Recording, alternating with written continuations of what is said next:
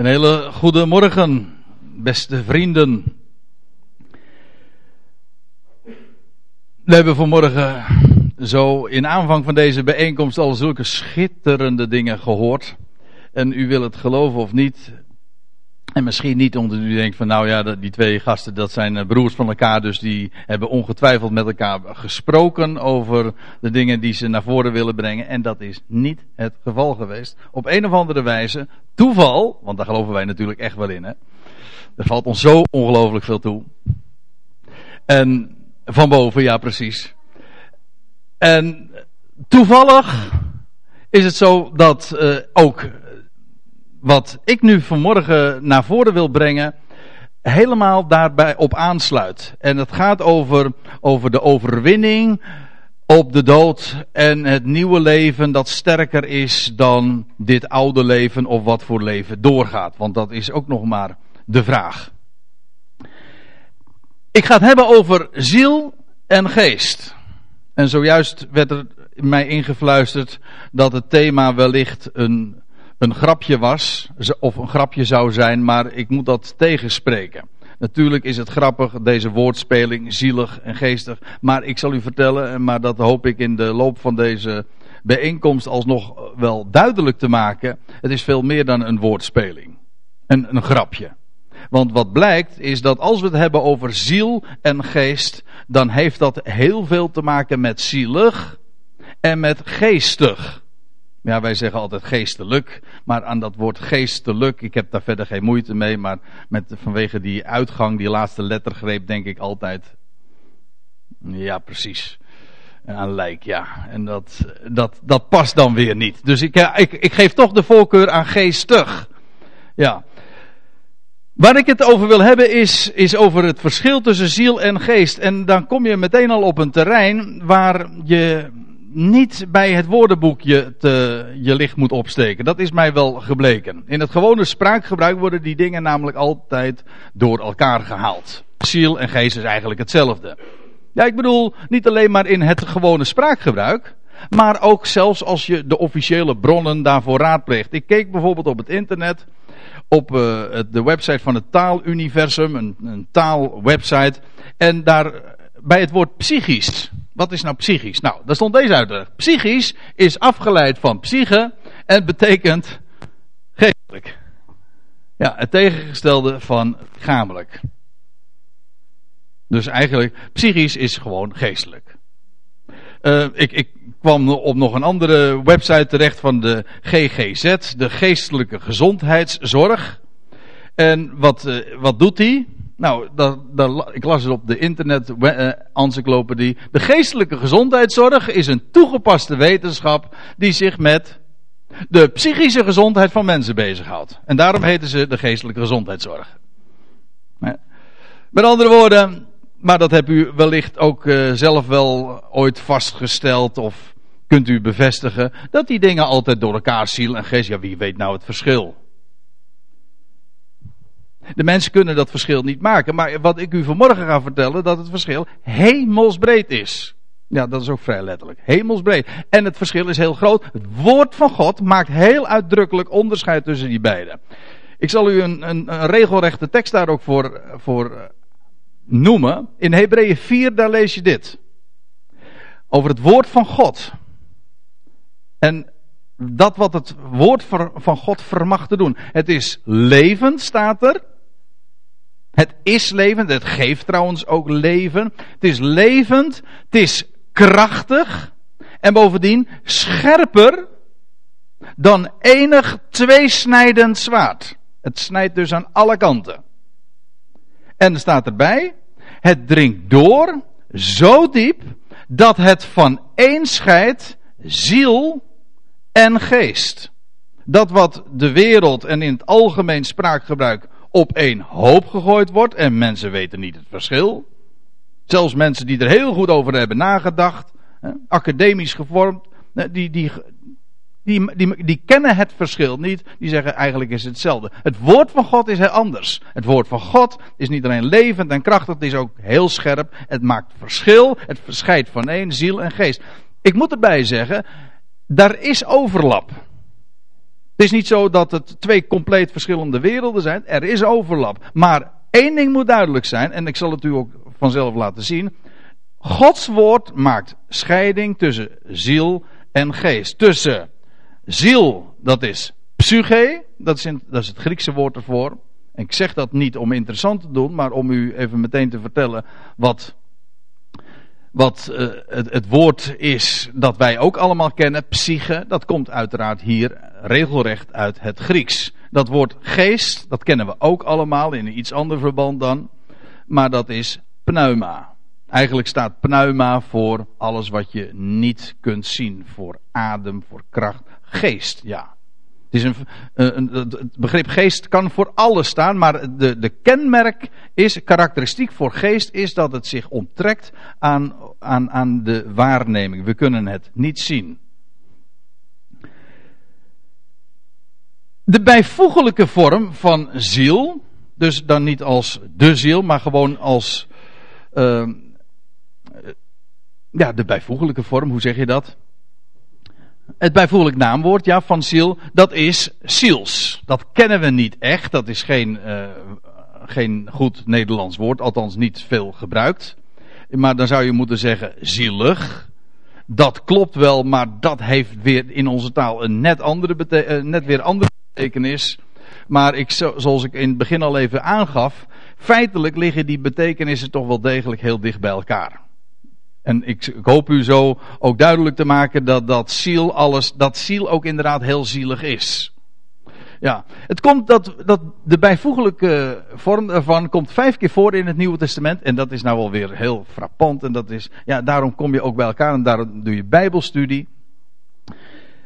In onze Bijbelvertalingen is dat helemaal verdwenen. Echt. De ziel, ja, dat geldt al voor gewoon als, als zelfstandig naamwoord is het verdwenen. Uh, het woord ziel uh, wordt dan vertaald met wezen. De eerste, de beste keer al trouwens in Genesis. Genesis 1, Genesis 2 vind je de ziel in de MBG-vertaling al niet eens meer terug. In de moderne vertaling al helemaal niet. Maar ook in de Statenvertaling wordt het soms dan andere keren weer weergegeven met leven. Of met bestaan. Maar de ziel is verdwenen. Maar dat geldt ook voor het bijvoeglijke eh, vorm. Komen we het zelfs helemaal niet meer tegen in onze Bijbels. Ziels. Het komt vijf keer voor, het ziels, en ik zal ze laten zien. Maar in onze vertaling vinden we het geen ene keer. In 1 Korinthe 2 vers 14 komen we, daar staat het woordje ziels. Maar hoe wordt het vertaald? Ongeestelijk. 1 Korinthe 15, ik kom er straks op terug, wordt het vertaald met natuurlijk. Nou, dat is natuurlijk niet goed, hè? Dat is ziels. Uh, eh, 1 Korinthe 15, later nog weer het natuurlijke. Jacobus 3, vers 15 wordt het vertaald met ongeestelijk. En in Judas 1, vers 19 met het natuurlijke. Nou, dat is allemaal heel fraai. Maar dat, daarmee wordt de Bijbellezer iets enorms onthouden. En dat is waar ik u vanmorgen wil wijzen. Op het verschil tussen ziel en geest. Tussen zielig en geestig. Want Gods woord maakt duidelijk scheiding, maar dan moet je natuurlijk wel weten, waar komt dat woord ziel voor? En dat in, nogmaals, in de vertalingen is dat helemaal verdwenen. Nou, laten we eerst eens naar dat magistrale hoofdstuk gaan, wat uh, al, al veel eerder vanmorgen prachtig voor het voetlicht is gekomen. Het hoofdstuk bij uitstek over de opstanding van Jezus Christus en de machtige consequenties die daaruit voortvloeien. Daar gaat Paulus spreken ook over ziel en geest. Ik zei al, het komt niet in de vertaling uit de verf en daarom wijs ik u erop. Laat ik beginnen bij, eh, te lezen bij vers 42. Daar staat, daar gaat Paulus, hij is midden in het betoog en dan zegt hij, zo is het ook met de opstanding der doden. Daar gaat het in dat hoofdstuk helemaal over. Er wordt gezaaid in vergankelijkheid en opgewekt in onvergankelijkheid. Wat hij doet is het bestaan hier op aarde, gewoon dit aardse leven, vergelijken met het leven wat God straks aan het licht zal brengen voor heel de schepping dat al aan het licht gekomen is bij de opstanding van Christus. Toen de steen werd weggewenteld, wel, Wat staat daar tegenover elkaar? En dat zie je in, dat, in deze verse. Paulus brengt dat naar voren in, de, in deze, in deze, nou, in deze verse en in dit passage. Dat er, er, er is een tegenstelling tussen deze schepping en de nieuwe schepping. Deze schepping wordt gekenmerkt door vergankelijkheid.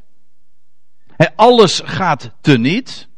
Alles, hoe zingen we terecht? Alles, hoe schoon ook, zal eenmaal vergaan. Dat is nu eenmaal eh, het, het lot van elk schepsel. Dat is karakteristiek voor deze hele schepping. Alles is aan de vergankelijkheid. Romeinen 8 zegt dat ook. De schepping is aan de slavernij van de vergankelijkheid onderworpen. Er staat er nog, nog achter. Niet vrijwillig, maar door hem, om hem die haar daaraan onderworpen heeft. Nou, er wordt gezaaid in vergankelijkheid. Dat is precies wat, er, wat dit plaatje ook aangeeft. Hè, wat er gebeurt wanneer iemand is overleden. Dan zaaien we het lichaam in de aarde. Daar heeft Paulus het over. Dat is een schitterend beeld. Tegenwoordig zijn er hele alternatieven. Ik weet niet of u het van de week nog het nieuws hebt uh, gevolgd. Maar ik las op uh, nu.nl een bericht dat er uh, heel andere manieren nu ook van ehm, lijkbezorging weer aan, aan de horizon komen. Want je hebt natuurlijk crematie. Maar er bestond ook zoiets als dat de, de mens dan oplost in een vloeistof. Of dat ze iemand gaan bevriezen, zodat er uiteindelijk ja, uiteindelijk alleen maar een, een klein beetje stof overblijft. Eenzelfde restant als bij een crematie. En het hele idee erachter is, en ik, en ik heb het eens een keer van iemand gelezen, en dat is ook precies wat het, wat het eigenlijk uitbeeldt. Een knappe God die daar nog wat van weet te maken. Hm? Nou, dat is inderdaad waar, ja. een knappe God die daar nog iets van kan maken. Nou ja, maar daar hebben we ook mee van doen. Kijk, dat, dat hele verhaal. Het, het is pure symboliek. Begraven is niet, heeft, geen, is, heeft geen functie in de zin van dat, dat God het straks weer makkelijk kan opwekken. Want van bij een begrafenis of al wanneer een, een lichaam aan de aarde toevertrouwd wordt, dan is daar in een paar jaar tijd ook helemaal niets meer van over. En dan geldt net zo dat het een knappe God is. Hè? Een knappe God is die daar nog wat van zal maken. Maar dat is nu juist de boodschap. En er wordt gezaaid in vergankelijkheid. En dat is de symboliek. Er wordt iets aan de aarde toevertrouwd, maar met als, met als resultaat, er wordt opgewekt in onvergankelijkheid. Ja, dat dus aan de aarde toevertrouwen, begraven, is, is puur vanwege de symboliek van het zaaien. Een schitterend beeld. Maar daar houdt de tegenstelling niet mee op. Er wordt, want Paulus vervolgt dan in vers 43, er wordt gezaaid in oneer. Er wordt opgewekt in heerlijkheid. In oneer. Ja, nou dat is dat is dit bestaan ook ten voeten uit. Het is niet alleen vergankelijk, maar het is bovendien een, die weg naar, van de vergankelijkheid is een heel ontluisterend proces. Het is maar niet een kwestie van het houdt een keer op, punt. Nee, de weg naar die punt is er een van ontluistering, on oneer. Ja, ik heb hier een plaatje van, uh, van een, een, een bejaardentehuis of uh, een verzorgingstehuis waar demente bejaarden worden verzorgd. Maar in wezen, dat, dat beeldt het uit. Dat is ontluisterend. Hè? De wijze waarop een mens oud wordt. Hè? Of de wijze waarop een mens sterft. Is maar de, de schoonheid gaat verloren. Bij sommige mensen, nou ja, goed. De schoonheid gaat verloren. Je raakt, al, je raakt allerlei dingen kwijt. Je haar kwijt, je krijgt rimpels enzovoort. De schoonheid gaat eraf. Dat wat zo, aanvankelijk allemaal zo, zo mooi was, dat verdwijnt. Functies verdwijnen. Je, hebt een bril op een gegeven moment nodig, een gehoorapparaat. Je, hebt, uh, nou ja goed, uh, van allerlei dingen. Uh, hulpmiddelen nodig om op de been te blijven. Kortom, Uh, het is een, in wezen een heel ontluisterend proces. Het is niet alleen maar het oude keer op. Dat hele proces is er een van oneer. En dat is het negatief van wat het zal zijn. Het bestaan hier wordt gekenmerkt door vergankelijkheid, door oneer, ontluistering. Ja, maar dat is precies het tegendeel van wat het zal zijn, namelijk van heerlijkheid. Pure heerlijkheid die, uh, die wacht, die, wat God voornemens is en wat God uh, gaat realiseren in de opstanding. Opgewekt in heerlijkheid. Er wordt gezaaid in zwakheid en er wordt opgewekt in kracht.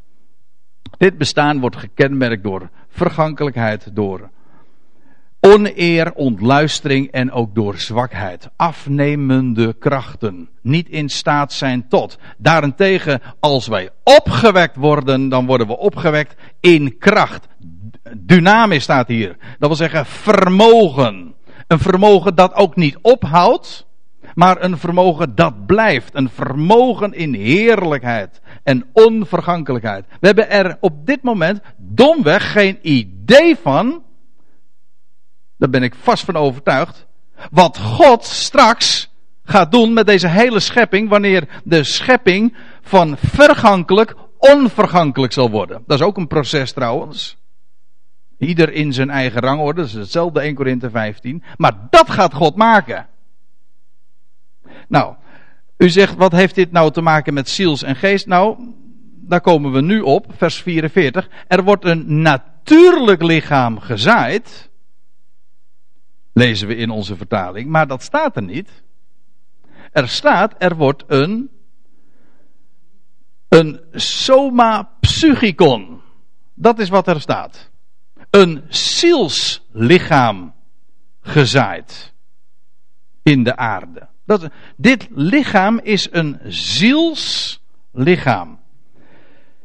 Ja, we kennen dit, wat Paulus hier gebruikt nog wel in een ander woord dat we ook uh, de meeste van ons wel zullen kennen: psychosomatisch. De meeste kwalen, volgens sommige artsen zelfs 99% van de kwalen die een mens heeft, zijn feitelijk psychosomatisch. Dat wil zeggen, de lichamelijke soma is, is de, de, het lichaam. De klachten die een mens heeft, de, de ziekten die hem kunnen overkomen, die hebben hun oorsprong of meden in de psyche, in de ziel in het gevoelsleven. Dat wat een mens meemaakt. Dit lichaam is psychosoma. Het wordt beheerst door ziel. Dat is het karakteristiek van dit lichaam. Dat het vergankelijk is.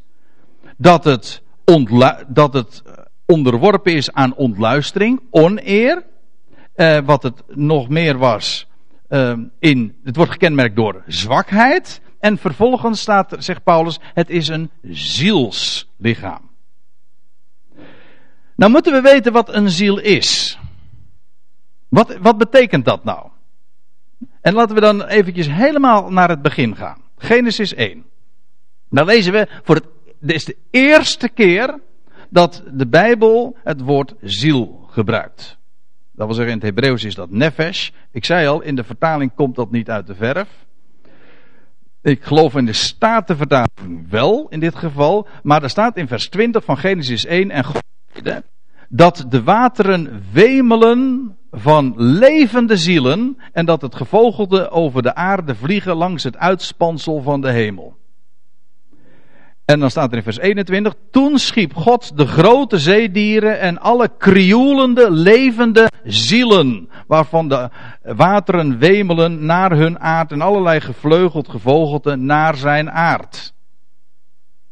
Hier staat niet het woord wezen, zoals u dat in de MBG-vertaling vindt. Nee, hier wordt het woord zielen gebruikt. En dat is belangrijk. Waarom? Omdat ziel niet iets kenmerkend is voor de mens alleen. Sterker nog, de eerste keer dat het gebruikt wordt, gaat het gewoon over dieren. Dieren zijn zielen. niet dieren hebben een ziel. Nee, dieren zijn ook gewoon zielen. En wat hier ook. Van planten lezen we dat niet. Maar planten krioelen ook niet. Hè? Die wemelen niet, die hebben een vaste staanplaats. Een, een ziel wordt ook gekenmerkt door nog iets anders, namelijk door bloed. Dat lezen we in Leviticus 17, vers 11. Die moet je onthouden, tenminste dat is mijn tip. Leviticus 17, vers 11. De ziel staat er van het vlees. Dat is in het bloed. Daarom, zei ik al, een plant is geen ziel. Dieren wel. Dieren zijn zielen. Dat is ook wat de mens overeenkomt met de, de, de, het dier, namelijk dat hij een ziel is. En dat ziel heeft uh, te maken met bloed, maar de kleur is eigenlijk daarin ook al veelzeggend, want het heeft alles te maken met gevoel, met, wat dacht u van dit woord, van passie. Waarbij passie een, een heel dubbelzinnig woord is eigenlijk. Want passie, dat betekent ja, hartstocht. Hè? Als het hart sneller gaat kloppen, dat doet het juist om het bloed, om de bloedtoevoer te stimuleren. En dat heeft weer alles te maken met gevoel. Maar passie is trouwens ook het woord voor lijden. Heel eigenaardig. Passie, dat is lijden. De passiflora is de lijdensbloem. Passie. Passie is lijden, maar passie is ook hartstocht. Liefde en, en lijden hebben alles met elkaar te maken. Nou, dat is, dat is een verhaal op zich. Maar het gaat me nu eventjes om, om die connectie met de ziel. De ziel, de, het type daarvan, karakteristiek voor de ziel, is het bloed. Dat rode. Ja, en het heeft alles te maken met gevoel, met emotie. Dat is wat ons ook verbindt met het, het gedierte des velds, om het zo te zeggen. We hebben gevoel, we hebben zintuigen, we hebben indrukken, we hebben sensaties die we in ons lichaam eh, ervaren. Nou, dat is ziel. Nou, nu weer even terugkomend, er wordt een zielslichaam gezaaid. Dat is, dat is dit lichaam. Dat we hier allemaal hebben. Zoals we hier zitten en staan, wij hebben allen een zielslichaam. Maar, zegt Paulus, er wordt een geestelijk lichaam opgewekt. Of zo u wilt, een geestig lichaam opgewekt. En hier wordt het woord gebruikt, een soma pneumaticon. Dus je hebt aan de, en dat is een, dat lichaam dat gezaaid wordt in de aarde als het begraven wordt, dat is een psycho, dat is een, een lichaam dat ge, beheerst wordt door ziel. Dat een zielslichaam is. Als het straks bij gelegenheid opgewekt wordt, dan is het niet meer geken, wordt het niet meer gekenmerkt door ziel, maar door geest, door de pneuma. En ja, wat is het grote verschil? Dat, kijk, als ik met mijn geest aan iets denk, ik stel je voor, ik denk nu dat ik, dat ik uh, mij bevind op het vrije standbeeld in New York. Met met mijn geest. Dan doet mijn lichaam niet mee. Dat, dat zou wat wezen hoor. Dat mijn, dat mijn geest mijn lichaam zou beheersen. Maar wat Paulus hier schrijft, is dat lichaam van de opstanding, dat wordt beheerst door, niet door ziel, door gevoel, door de sensaties, door bloed. Nee, het wordt beheerst door geest. En vandaar ook dat je dat leest in het Nieuwe Testament van de Heer Jezus, dat hij zomaar ergens ook verscheen. Het was niet gebonden aan, aan, de, aan de wetten en de natuurwetten zoals wij die hier thans kennen. Nee, het wordt beheerst door geest. Het is een, een geestelijk lichaam betekent niet een onstoffelijk lichaam. Zo wordt, het, zo wordt het wel gelezen, maar dat betekent het niet. Het betekent het lichaam, want om eventjes op dat laatste terug te komen. Het was de Heer Jezus zelf die ooit, toen hij verscheen, zomaar in het midden van, hun, van zijn discipelen, op de, die, die bewuste zondagavond, dat hij zei van, dat ze allemaal verbaasd waren. En toen zei hij, geef me een visje. Hij zei, want ze dachten, ze dachten een geestverschijning te zien. Hij zei, nee, ik ben geen geestverschijning. En hij bewees het door gewoon een visje voor hun ogen te eten, op te eten. En dan staat er, uh, want ik ben geen geestverschijning, ik citeer nu even uit mijn hoofd, maar, want een geest, zegt hij, heeft geen vlees en beenderen zoals ik heb. vlees en been. Wel degelijk ook een stoffelijk, concreet lichaam, maar niet meer beheerst door bloed, door ziel, maar door geest. Ik ben ervan overtuigd dat dat opstandingslichaam ook geen bloed kent. Nee, wat we door de aderen zal, zal stromen, dat is pneuma. Vraag me niet wat dat is. Oh, nee, je kunt het ook niet zien. Maar dat, hè? Nee, dat is geest. Dat is een totaal andere bestaanswijze. Een pneumatisch lichaam. We hebben er nog geen idee van, maar dat is dus niet onderworpen aan, aan alle psychische toestanden die we hier meemaken. Dat, dat, Zo'n lichaam niet. Nee, een pneumatisch lichaam, beheerst door geest. Ja. Ik kom er nog, eh, nog even op terug, want ik zei van dat lichaam dat kent inderdaad geen, dat zal geen bloed hebben. Dat kan ik ook bewijzen hoor. Want even later zegt Paulus in ditzelfde hoofdstuk, hij zegt dit spreek ik even wel uit broeders. Vlees en bloed, dat wil zeggen vlees samen met bloed, kunnen het koninkrijk gods niet beërven. En het vergankelijke beërft de onvergankelijkheid niet. Wat wij zullen ontvangen, dat is niet een lichaam met bloed, gekenmerkt door ziel. Nee, een pneumatisch lichaam, een onvergankelijk lichaam. Is er een natuurlijk lichaam, maar dat kunnen we nu dus doorstrepen. hij zegt, is er een zielslichaam, dan bestaat er ook een geestelijk lichaam. Dat wil zeggen, eerst het een, dan het ander. Al dus staat er ook geschreven, de eerste mens, Adam, werd een levende ziel. En u weet dat Paulus hier citeert, ook uit het boek Genesis, niet uit Genesis 1, maar uit Genesis 2. In Genesis 2, daar schrijft, Paul, daar, schrijft uh, daar wordt geschreven, staat geschreven, toen formeerde de Heere God de mens van stof uit de aardbodem en blies de levensadem, de geest, de, ja, hier staat een specifiek woord, de neshama, in zijn neus. De levensadem. Ik, ik laat dat even voor wat het is. Maar het gaat me even om die laatste zinsnede. Er staat namelijk achter, alzo werd de mens tot levende ziel. Er staat niet, hij kreeg een ziel. Nee, hij werd een levende ziel. De mens is een ziel. Ja, dan moeten we, we moeten van een heleboel begrippen af. U, u, kent ongetwijfeld de uitdrukking die al uit de Griekse filosofie stamt. Namelijk, de, eh, de mens heeft een onsterfelijke ziel. Nou, de Bijbel spreekt helemaal niet over onsterfelijke ziel. Weet u wat de Bijbel zegt? De ziel die zondigt, die zal sterven. De Bijbel spreekt zelfs over dode zielen. Maar hier, de mens is een levende ziel. Wel, en waar is een, een levende ziel van gemaakt? Nou, gewoon, zoals hier staat, van stof uit de aardbodem. Dat maakt hem nog niet levend. Levend wordt hij doordat hij levensadem in zijn neus heeft. Maar waar is een, een ziel van, van gemaakt? Nou, gewoon van stof uit de aardbodem, net als dieren. En karakteristiek daarbij is dat het bloed in de aderen heeft stromen en gevoel heeft, passie heeft, sensaties kent. Dat is ziel. Wat ik trouwens in dit verband ook nog even op wil wijzen is dat woord aardbodem in het Hebreeuws, dat is Adama.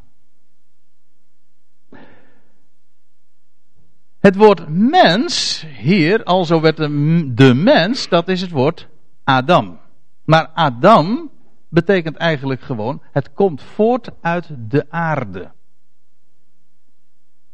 Het woord mens betekent eigenlijk een aardeling. Dat wil zeggen, voortkomend uit moeder aarde.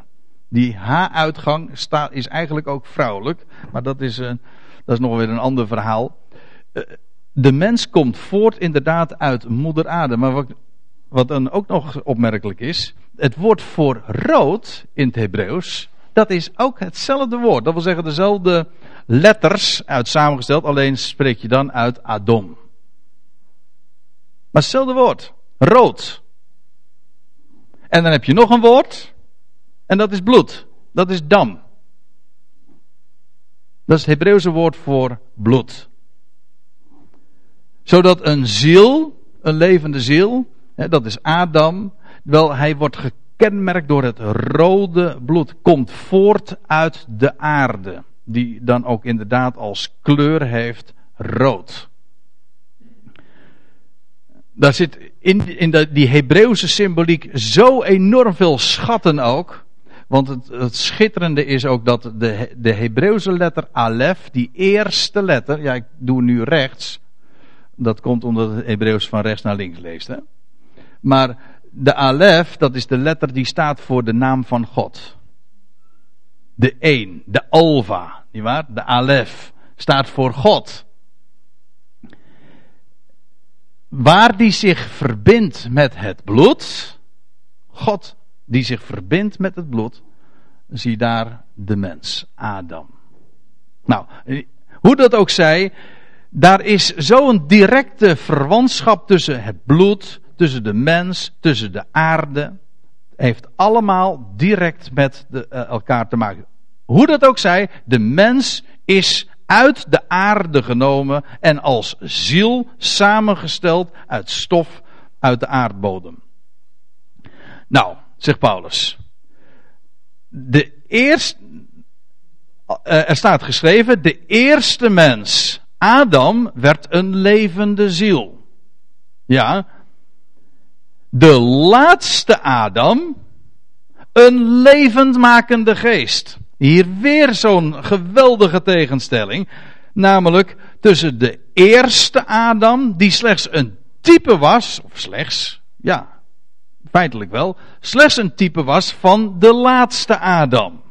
De ene werd ooit uit de aarde genomen en alzo een levende ziel. Wel, de laatste Adam, hij is een levendmakende geest. En de laatste Adam wil zeggen, sommige mensen zeggen wel eens de tweede Adam, maar die, die term kun je beter niet gebruiken. Dat is niet wat de Bijbel zegt. Hij is de laatste Adam. Want de tweede Adam zou nog kunnen suggereren dat er ook nog weer, dat het weer mis kan gaan. Met Adam. Nee, nee, nee. Nee, hij is de laatste Adam. Hij is de definitieve versie, zal ik maar zeggen. De, die ene was, de eerste was slechts een type. Een noodzakelijke voorloper van. En een aankondiger van de laatste Adam. Maar waarom heet ook de laatste Adam? Dat is uiteraard de Heer Jezus Christus. Waarom heet die Adam? Wel heel eenvoudig. Hij sluit de hele mensheid in. Hij is de mens. En sluit de mensheid in. Zoals in Adam, 1 Korinthe 15 vers 22, zoals in Adam alle mensen, wij allemaal stervelingen zijn, zo zullen in Christus, de laatste Adam, allen worden levend gemaakt. En dat is precies wat, wat hier staat in vers 45. In Christus, dat wil zeggen de laatste Adam, zal heel de mensheid worden levend gemaakt. En als ik het heb over leven, dan bedoel ik maar niet slechts um, tot, tot leven komen, maar leven met allemaal hoofdletters. Leven zoals Paulus het hier in dit hoofdstuk aan, aan, het, aan het licht brengt en, en allemaal uh, daarover uitweidt, namelijk leven dat de dood achter zich heeft, leven in heerlijkheid, onvergankelijkheid en kracht. Dat is leven. Dat wat wij hier kennen is geen leven, dat is sterven. Het proces dat op weg is naar de dood.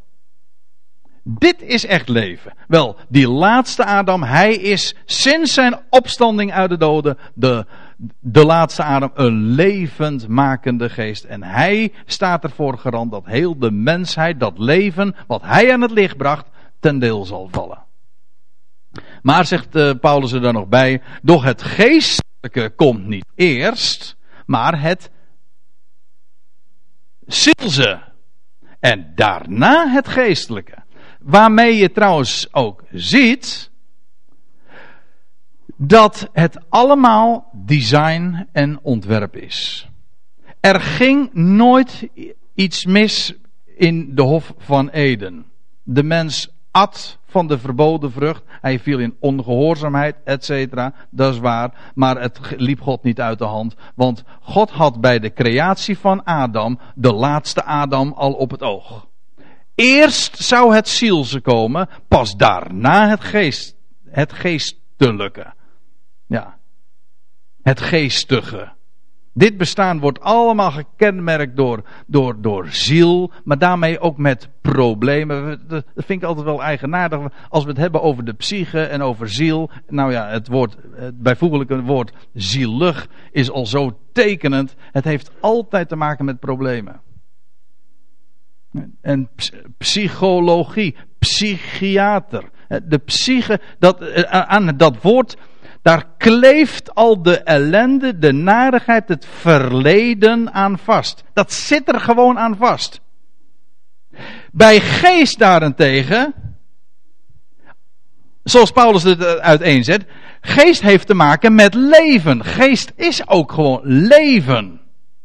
En dat leven, die levenmakende geest, dat heeft te maken met luister, met heerlijkheid, met onvergankelijkheid, met kracht. Kijk, dat is geesten, want daar komt namelijk geen eind aan.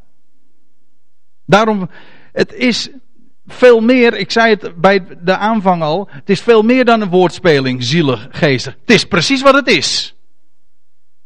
Het is niet de psyche en de psychologie en wroeten in het verleden. Nee, het is, want, want dat is ook psychologie, hè, dat weet u. Hè? Altijd wroeten in het verleden.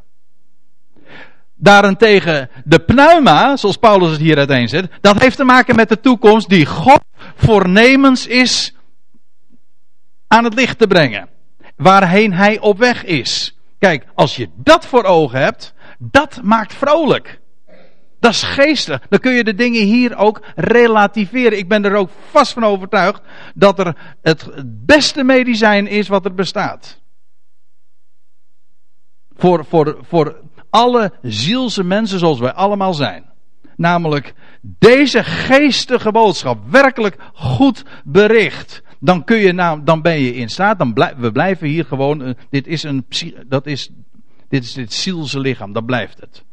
Daar moeten we het nog even mee doen. Ja. Maar in dit zielse bestaan hebben wij geest. Een geestige boodschap. Een, we hebben in deze aardse vaten, hoe staat het? In deze uh, aardse ja, hebben we een, een schat. En dat, is, en dat is die pneuma, dat is die geest. Wel, het eerste is, uh, is ziels, daarna is het geestelijke. Zo heeft God het ontworpen. En zoals mijn broer Dirk dit al eerder aangaf. Eerst is daar die rups.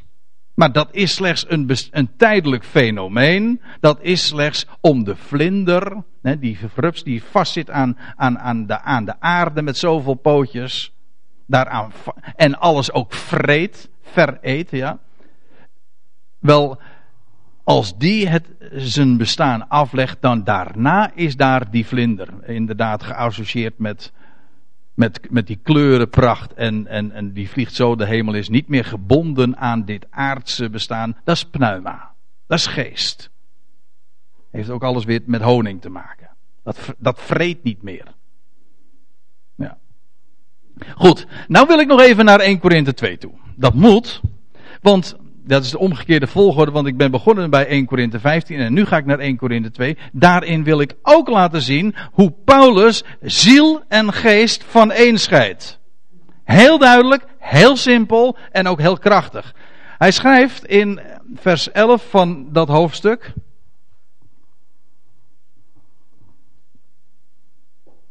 Wie toch onder de mensen weet wat in een mens is, dan des mensen eigen geest die in hem is.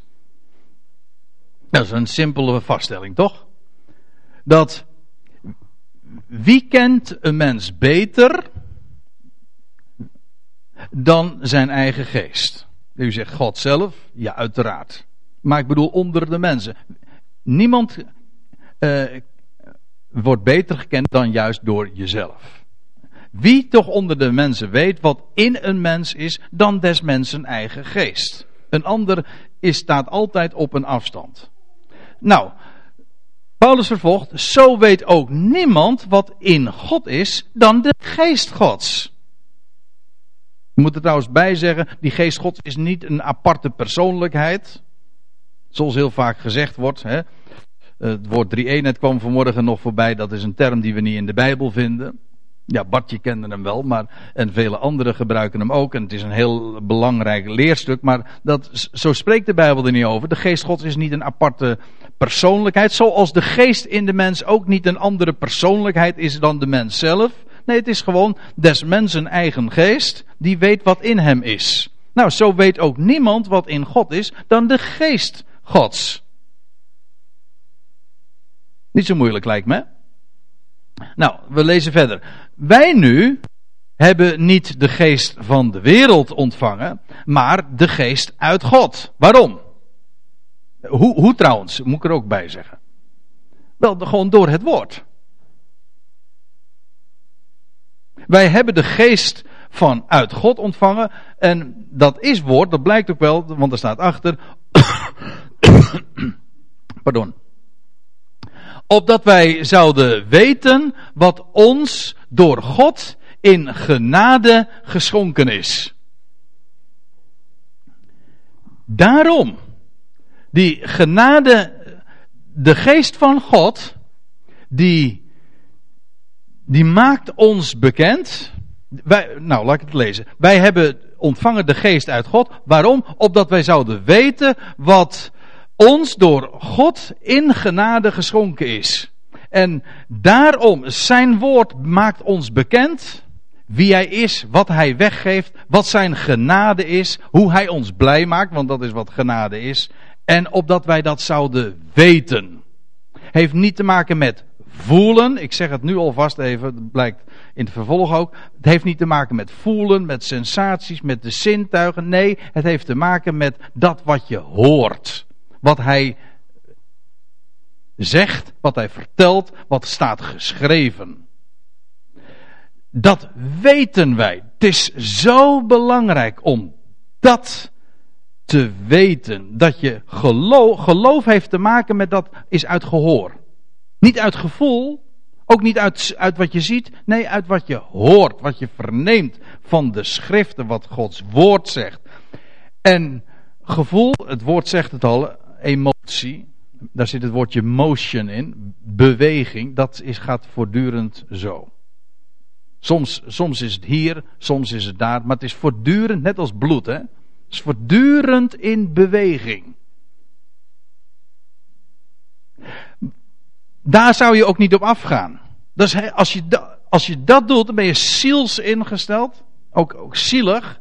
Geest, als je pneumatisch bent, dan leef je uit wat er gesproken is, dan weet je de dingen.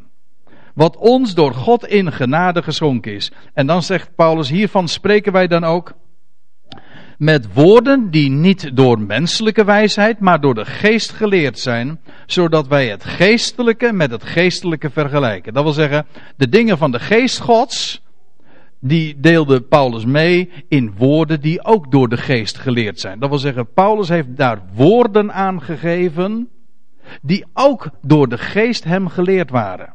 Het is hem geopenbaard en hij heeft het uitgesproken, hij heeft het geherouwd, hij heeft het gepredikt en hij heeft het opgetekend.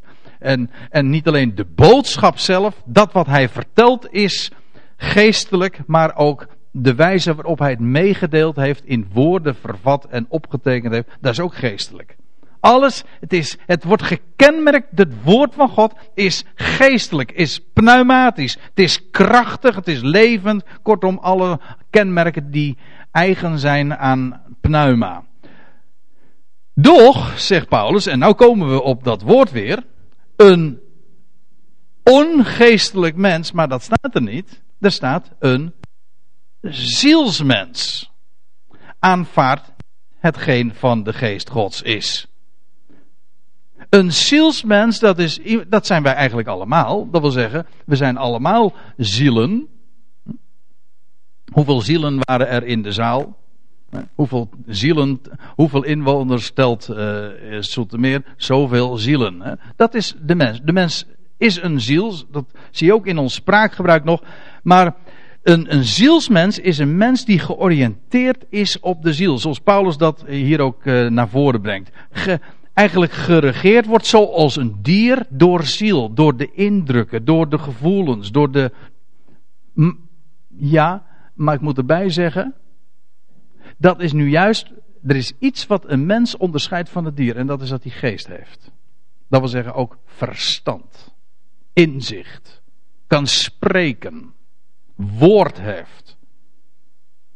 Een zielsmens is daar niet op georiënteerd. Er staat een, een, een, een zielsmens aanvaardt niet hetgeen van de geest gods is. Kan je hem ook niet kwalijk nemen, want staat er, het is een dwaasheid.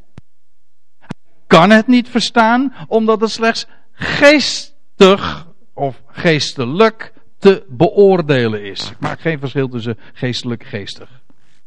Het heeft namelijk te maken met die pneuma, met de geest van God. Dat, dat kent een zielsmens niet. Het is een dwaasheid, hij kan het niet verstaan. Je moet, eh, het heeft ook helemaal geen zin om die dingen te vertellen tegen iemand die zielsgeoriënteerd is, want hij zal het domweg niet verstaan. Daar moeten je ogen voor geopend worden. Maar staat er, de geestelijke mens, die beoordeelt alle dingen. De geestelijke de, de mens die geregeerd wordt niet door ziel, door sensaties, door indrukken, door zintuigen, nee, maar die beheerst wordt door wat hij weet, wat bekendgemaakt is, door geest. Wel, die beoordeelt alle dingen. Weet u wat het woord hier uh, is wat Paulus gebruikt? Dat is het Griekse woordje anakrino. En dat woord betekent letterlijk nagaan, checken verifiëren, de waarheid ervan achterhalen. Het wordt vertaald in, de, in het Nieuwe Testament met onderzoek doen in Handelingen 28. Of 1 Korinthe 10, ditzelfde, dezezelfde brief dus, met navraag doen. En dan heb ik nog een hele mooie. Ditzelfde woord anakrino, dat vinden we ook nog in Handelingen 17, vers 11. Daar schrijft Paulus over die mensen die in Berea waren, dat zij zich uh, en deze onderscheiden zich gunstig van hen die in Thessalonica waren. Waarom? Wel, daar zij het woord, dat is geest. Woord kan je ook niet zien, hè?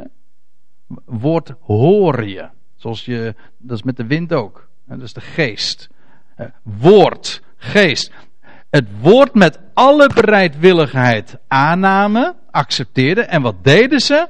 En dagelijks de schriften nagingen. En dan staat er weer dat woordje anacrino.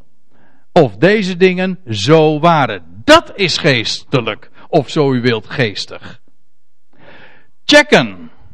Nagaan. Kijk, weet u wat mensen vaak denken bij geestelijk? Een geestelijk mens, dat is iemand die heel vroom praat of met zijn handen in de lucht en zo helemaal meegaat, meegevoerd wordt door praise, muziek en zo. Maar dat is niet geestelijk. Weet u wat geestelijk is? Wat deze Bereërs deden. Gewoon checken. Gewoon in het algemeen, zelfs op aardsniveau is het al zo. Als je geest, als je de geest, dat wil zeggen het verstand voorrang geeft, dan, stel je, dan, ga, dan ga je niet af op emotie, maar dan stel je vragen. Hoe dan wel? Waar? Waar staat dat? Wat betekent dat? Hoe bedoel je? Dan stel je, waar wil je naartoe? Dat is, dat is dat anacrino. Maar ja, bij dat geestelijk, ik vond een plaatje op internet. Zoals dat in kerken en gemeenten dikwijls het geval is. dan ga je de kerk in, before church, en dan mag je aan de linkerkant je eh, jas verlaten. En aan, je, aan de rechterkant, daar mag je, please leave brains here. Daar mag je niet nadenken daar moet je gewoon, daar moet je lekker praisen en, en, en eh, fijn, fijn in een warm bad uh, dat we gekomen zijn. En daar voelen we, dat, dat is allemaal zo fijn, weet je, dat is ook zo'n typische term uh, in, in, in, in deze, in deze kringen. Alles is gebaseerd op gevoel, maar je moet geen vragen stellen. En toen vond ik ook nog deze. Dit plaatje in mijn jargonaut, dat wil zeggen jargon, hè. En ze hebben dan een bepaald soort jargon. Nou, dan walsen ze gewoon over alle moeilijke vragen heen. Want je moet niet gaan vragen van hoe dan wel en waarom en wat is, betekent dat en wat is de waarheid.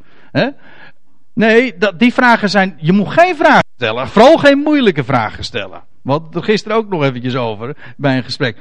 Dat, dat je in kringen komt. Ik heb het zelf ook meegemaakt. Gemaakt dat, dat je, als je aan de voorganger dan een, vraag stelde. Van ja, dat zei je. Nee, dat, dat, waar, dat, dan werd hij zelfs boos als je die vragen stelde. Want uh, je moest je handen uit de mouwen steken. En het ging er maar om dat we, dat we het fijn hebben met elkaar. Nee, daar gaat het niet om. Het gaat erom, is het waar? Kijk, dat is geestelijk. Als je geestelijk bent, geestig bent, dan stel je de vraag: klopt het wat, wat je zegt? En dan ga je na in de schriften en weet je, dan ontdek je zoveel. En, en dan wordt het echt lachen. En, daarom, en, daar, en daar komt het woord geestig meteen, en meteen om de hoek kijken. Want dan wordt het echt lachen hoor. Want de traditie blijkt dan inderdaad belachelijk te zijn, maar dat niet alleen. Gods woord is zoveel rijker. En dan word je gewezen in de schriften op die machtige rijkdom en op dat werkelijke leven. Kijk, en dan leer je de dingen hier te relativeren. Dat maakt een mens geestig, inderdaad. Blij, humoristisch. Je gaat namelijk de humor van de dingen inzien. Maar waar het mij om gaat is dat een geestelijk mens is dus niet iemand die, die geleid wordt door psyche. Integendeel, dat is ziels. Dat wat altijd versleten wordt voor, voor geestelijk, dat is in werkelijkheid ziels. Geestelijk, dat is degene die checkt, die nagaat precies wat die Bereërs ook deden. En laat u niet gek maken door, uh, en ook niet intimideren door mensen. Zulke vragen moet je niet stellen. Dat lijkt geestelijk, maar het is zo ongeestelijk als de, juist, de pest. Want dat is echt zo. Als mensen daarmee, uh, en op die manier antwoorden geven. Zelf staat er echter van die, wordt er van die geestelijke, geestige mens gezegd, hij wordt door niemand beoordeeld. Laten we wel wezen, hij is een raadsel voor zijn omgeving. Dat is hij. Hij wordt niet begrepen, maar precies uh, het, het, onvermogen van, van die zielse mens waar we het over hadden. Maar staat er dan in het laatste vers van 1 Korinthe 2, de, wie kent de zin van de Heer dat hij hem zou voorlichten? Of letterlijk staat er eigenlijk, want wie de denkzin van de Heer? Wie zal hem narekenen? Ja, dat kan niemand. het enige wat wij weten van de Heer is dat wat hij bekendgemaakt heeft. Voor zover wij iets van hem weten, is dat omdat hij gesproken heeft. Hij heeft verteld, hij heeft zijn woord gegeven. Daarom weten wij de dingen. Ja, en daarom zegt Paulus ook, wij hebben de zin van Christus. Dat wil zeggen, de denkzin van Christus. Omdat het ons verteld is. Wij weten wat ons door Gods genade is meegedeeld en geschonken. Al die rijkdom. Kijk, daar leven wij uit. En dat maakt ons precies ook van zielig geestig. Amen.